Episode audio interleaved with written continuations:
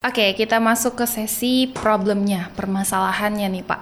Kira-kira nih, uh, saya tahu katanya uh, teknik industri ini belajar tentang psikologi. Iya. Psikologi di teknik industri itu seperti apa sih Pak? Uh, psikologi ya, psikologi memang menjadi salah satu faktor yang harus kita pertimbangkan di dalam kita melakukan tadi optimalisasi di salah satu bidang keahlian teknik industri itu ada yang namanya human factors and ergonomics itu mempelajari tentang manusia. Manusia Jadi ya. betul-betul manusia ini yang kita kupas ya, kita kupas, kita kupas satu-satu sampai ke intinya gitu di di HFE itu. Nah, di ergonomi itu dibagi menjadi dua bagian besar. Yang satu itu adalah ergonomi makro. Ya. Yang satu lagi itu adalah mikro. Makro dan mikro. Di makro ini kita ngomongin tentang hal-hal yang contohnya ada lingkungan kerja. Kalau kita bekerja di dalam kondisi panas itu seperti apa? Oh. Kondisi terlalu terang seperti apa? Oh, ya, jadi... apakah berpengaruh terhadap optimal itu atau tidak? Lalu yang mikro ini termasuk salah satunya di psikologi itu. Oh. Ya, di di mikro itu. Bagaimana peran manusia ini di dalam pekerjaannya? Jadi manusia ke pekerjaan, lalu ada lagi manusia ke organisasinya. Oh. Ini pasti berpengaruh terhadap keluaran yang akan dihasilkan oleh orang itu. Tadi psikologi ada juga yang namanya psikokognitif. Psikokognitif. Iya. Waduh, saya kita baru mendengar juga tentang psikokognitif. Bagaimana kita memproses suatu informasi yeah. lalu iya. kita uh, kita transformasikan ke dalam sebuah pekerjaan. Oh. Nah, itu akan ada ada apa namanya ya eh, pengaruh-pengaruh pengaruh-pengaruhnya terhadap itu. Iya, ya. menarik sekali tadi Pak Yuri sempat ngomong katanya kalau misalnya di cuaca yang panas kita juga mm -hmm. ada penyesuaian kalau kerja penyesuaian seperti apa sih yang dipelajari gitu bisa teman-teman tahu mm -hmm. gimana gitu Pak boleh dong diceritain? Iya lingkungan. Iya, ini menarik nih karena menarik. kita nggak akan lepas dari lingkungan kerja ya. Mau kita kerja di mana pasti interaksinya dengan lingkungan. Nah di lingkungan kerja itu ada tadi faktor-faktor berupa pencahayaan. Ya. ya kita bekerja di tempat cahaya yang gelap atau cahaya yang terlalu terang pasti kan tidak nyaman. Iya. Ya itu harus diukur berdasarkan kebutuhan masing-masing orangnya. Jadi mungkin saya dengan Putri ini mungkin minusnya beda, iya. silindernya beda, pasti kebutuhan sinarnya akan berbeda juga. Iya, nah, betul. itu harus harus diukur seakurat mungkin lalu disesuaikan.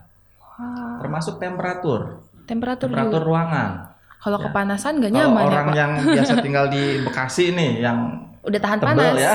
tahan panas. tebel tuh, kulitnya udah kayak badak gitu ya. Dia pasti akan terbiasa dengan cuaca panas. Uh... Kalau orang-orang yang tinggal di gunung-gunung yang terbiasa dingin, saat dia dikasih panas kan nanti akan bereaksi terhadap panasnya. Oh, gitu. Nah itu harus disesuaikan lagi. Sesuaiannya berapa? Akan ada model-model perhitungannya nanti. Oh. Itu sudah distandarkan secara internasional sebetulnya dan memang uh, karakteristik manusia itu kan kurang lebih nggak akan terlalu berbeda ya nggak ada yang terlalu berbeda. Nah itu bisa jadi panduan-panduan kita. Baik. Ada pencahayaan, ada temperatur, ada lagi kebisingan. Kebisingan juga sama. Iya, suara biasanya saya juga menarik nih Pak. Hmm. Kan kalau di industri-industri besar kan biasanya menggunakan mesin-mesin yang besar juga. Betul.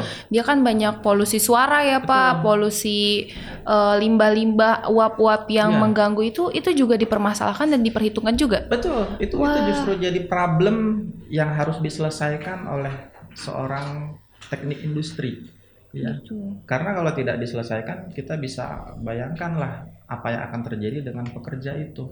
Tadi ada panasnya, ada kebisingannya, iya. menggunakan mesin-mesin yang ukurannya wow ya besar sekali, besar, bahkan besar ada sekali. yang sebesar rumah tiga lantai itu. Ya. Itu besar banget itu. Nah kalau kita nggak antisipasi dampak yang akan terjadi kepada manusianya, Justru Jadi, berbahaya. Berbahaya. Kepada... Berbahayanya bisa jangka pendek. Orang lebih senangnya tuh ngelihat wah ini masalah ini terjadi terus kelihatan di jangka pendek. Hmm. Tapi kalau jangka panjang kadang-kala suka dilupakan. Ah. Misalnya terjadi nanti ini kalau kita sering dengar yang suka denger lagu-lagu metal nih full volume ya nanti tuanya tuh bakal budak. Iya betul sekali. Pasti budak ya pak. Kenceng banget suaranya ganggu gendang telinga. Nah itu kadang suka dilupakan bahwa ada problem seperti itu ya. Jangka panjang ini suatu saat akan terjadi. Kita hanya tinggal menunggu kapan akan terjadinya. Ya tunggu triggernya. Nah, iya. itu yang harus dicegah. Ah menariknya tadi bapak sempat sebut tentang suara ya pak. Suara. Saya eh, pernah dengar di perusahaan itu Hmm. Kalau pagi tuh ada penyambutan pakai lagu-lagu kayak gitu. Itu maksudnya menghibur supaya pekerjanya nggak stres atau ada tujuan lain? Ada lagi. Oh banyak lagi. tujuannya. Di tadi human factors ergonomics kita juga belajar yang namanya beban mental. Oh ada Iya, beban mental ya pak? Ada beban mental. Bahwa beban mental itu akan sangat mempengaruhi kurang lebih dari hasil penelitian itu 60 sampai 70% hasil kerja. Waduh. Sampai 60 sampai 70% gitu. Nah, usaha-usaha seperti tadi menghibur, terus memberikan semangat ya, Iya. memberikan dorongan-dorongan motivasi, itu usaha untuk mengurangi beban mental. Itu Pada- kita pelajari beban mental. Padahal kalau menurut orang lain, ah apa sih cuma nyetel lagu pagi-pagi Iya. nggak penting kan? Ternyata itu ada faktor-faktornya. Ada. Wah menarik, Iya. menarik sekali belajar teknik industri ini ternyata. Eh terus juga kegiatan pandemi kayak gini kan pasti banyak pengaruh banget nih Pak Iya. dari eh, berbagai jenis-jenis. Nah kalau misalnya dari teknik industri ini ada nggak sih Pak eh, upaya yang dilakukan, yang dipelajari dari teknik industri untuk menangani pandemi saat seperti ini? Oke, ini pertanyaan bagus nih Putri. Memang kalau saya boleh, saya berani bilang bahwa ini jadi salah satu keunggulan Iya. seorang teknik industri, karena teknik industri itu lebih belajar tentang yang namanya sistem. Sistem. Iya. Kalau tadi kan ada potongan-potongan potongan-potongan kecil ya. Nah, Iya. semua potongan kecil itu sebetulnya jadi satu bagian sistem. Nah, yang kita pelajari itu adalah sistem secara holistik. Holistik itu keseluruhan. Oh, Secara keseluruhan bagaimana komponen-komponen yang mendukung sistem ini bisa maju bareng-bareng. Analoginya kayak kalau mobil atau sepeda motor gimana supaya dia bisa jalan?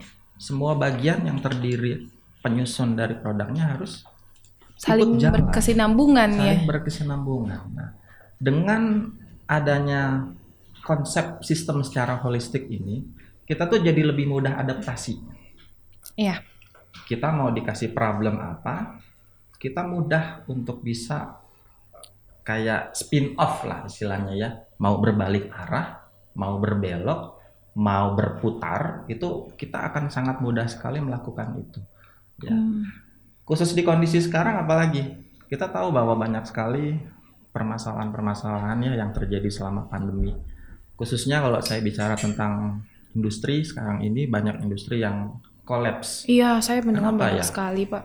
ternyata salah satunya adalah ketidakmampuan mereka untuk beradaptasi ya mereka nggak mampu beradaptasi padahal kalau kita mempelajari sistem secara keseluruhan ada satu masalah kita bisa cari masalah yang lain dengan bantuan yang lain Iya. gitu.